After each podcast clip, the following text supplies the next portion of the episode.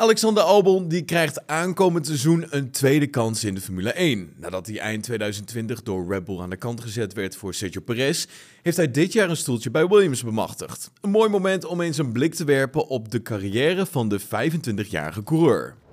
Ja, Alexander Albon staat bij veel Nederlandse fans toch wel bekend als uh, ja, de voormalig teamgenoot van Max Verstappen. Halverwege het seizoen van 2019 uh, verving hij namelijk Pierre Gasly bij het team van Red Bull Racing.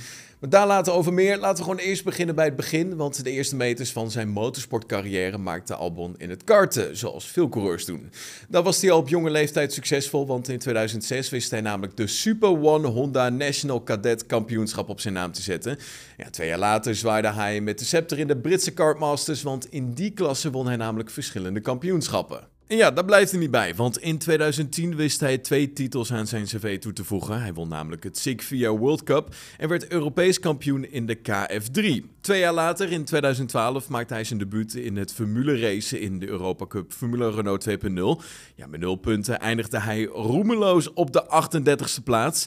Het jaar erop stapte hij over naar het team van KTR en dat is een goede move geweest, want op de Rebel Ring behaalde hij zijn allereerste pole position. Daar wist hij het helaas niet om te zetten in een overwinning. Met 22 punten eindigde hij op de 22e plaats. Albon die bleef nog een tijdje actief voor KTR met als hoogtepunt zijn laatste seizoen in 2014. Ja, de Thaise Brit die verscheen daar regelmatig op het podium en eindigde als derde in het kampioenschap. Voor hem stonden Olsen en de Nederlandse Niek de Vries. En vanaf daar doorliep Albon een aantal verschillende klassen. Zo reed hij in 2015 in de Formule 3, in 2016 in de GP3-series en in 2017 in de Formule 2. In zijn eerste seizoen reed Albon voor ART. Alex verscheen in totaal twee keer op het podium en wist met in totaal 86 punten tiende te worden in het kampioenschap. Het jaar hierop bleef hij in de Formule 2, maar Albon stapte over naar Dams. Ja, met dit team won hij maar liefst vier races. En tot en met het laatste raceweekend had hij zicht op de wereldtitel, maar uiteindelijk moest Alex tekenen voor een derde plaats, want voor hem stonden namelijk George Russell en Lando Norris. In het seizoen van 2018-2019 maakte het leven van Albon een onprettige wending. Want hij zou namelijk gaan racen in de Formule E, de elektronische klasse. Alleen een paar weken voor het begin van het seizoen werd zijn contract uit de niets ontbonden. Nou, de kansen op een carrière in de Formule 1 leken hiermee verkeken te zijn. En Albon die richtte zich op een overstap naar Japan om deel te nemen aan de Superformula.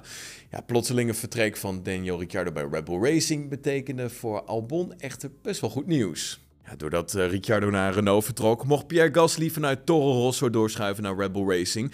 En Albon, die in 2012 kort onderdeel uitmaakte van het Red Bull Junior team, stond blijkbaar nog bij Helmut Marko in de telefoon, want hij werd namelijk opgeroepen om Gasly bij het zusterteam te vervangen. Ja, hier zeg je natuurlijk direct ja op. Tijdens de Grand Prix in Bahrein in 2019 behaalde Albon zijn allereerste punt in de koningsklasse door als negende over de streep te komen. Op 12 augustus 2019 kwam het opmerkelijke nieuws naar buiten dat Pierre Gasly werd teruggestuurd naar Toro Rosso. Ja, de Fransman die wist geen potten te breken. En uh, ja, moest ondanks de belofte dat hij eigenlijk het seizoen daar mocht afmaken, weer plaatsnemen in zijn oude bolide bij Toro Rosso. Ja, Albon kreeg dan vervolgens de kans om door te schuiven en plaats te nemen naast Max Verstappen. En deze kans greep hij natuurlijk met beide handen aan. Ja, dat betaalde zich wel redelijk goed terug in een aantal sterke races in de RB15. In Brazilië stevende hij zelfs af op zijn allereerste podiumplaats, totdat hij door Lewis Hamilton achterstevoren werd getikt. Het seizoen van 2020 verliep opnieuw veel bewogen voor de Thaise Brit. Albon die begon relatief sterk en leek in Oostenrijk zelfs af te stevenen op de winst totdat hij opnieuw door Hamilton aangetikt werd. In Italië en Bahrein kwam hij als derde over de streep, maar verder was het een beetje een kleurloos seizoen. Albon kon de tempo van Verstappen bij lange na niet matchen en leek steeds verder af te glijden. Crashes en fouten, ja, die speelden steeds vaker de kop op.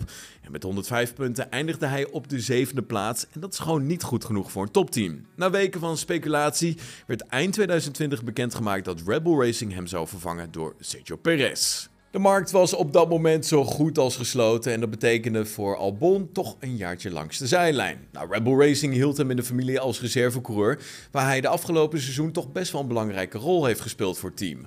Onder andere teambaas Christian Horner en Verstappen, die hebben zelf vaker hem geprezen voor zijn werk.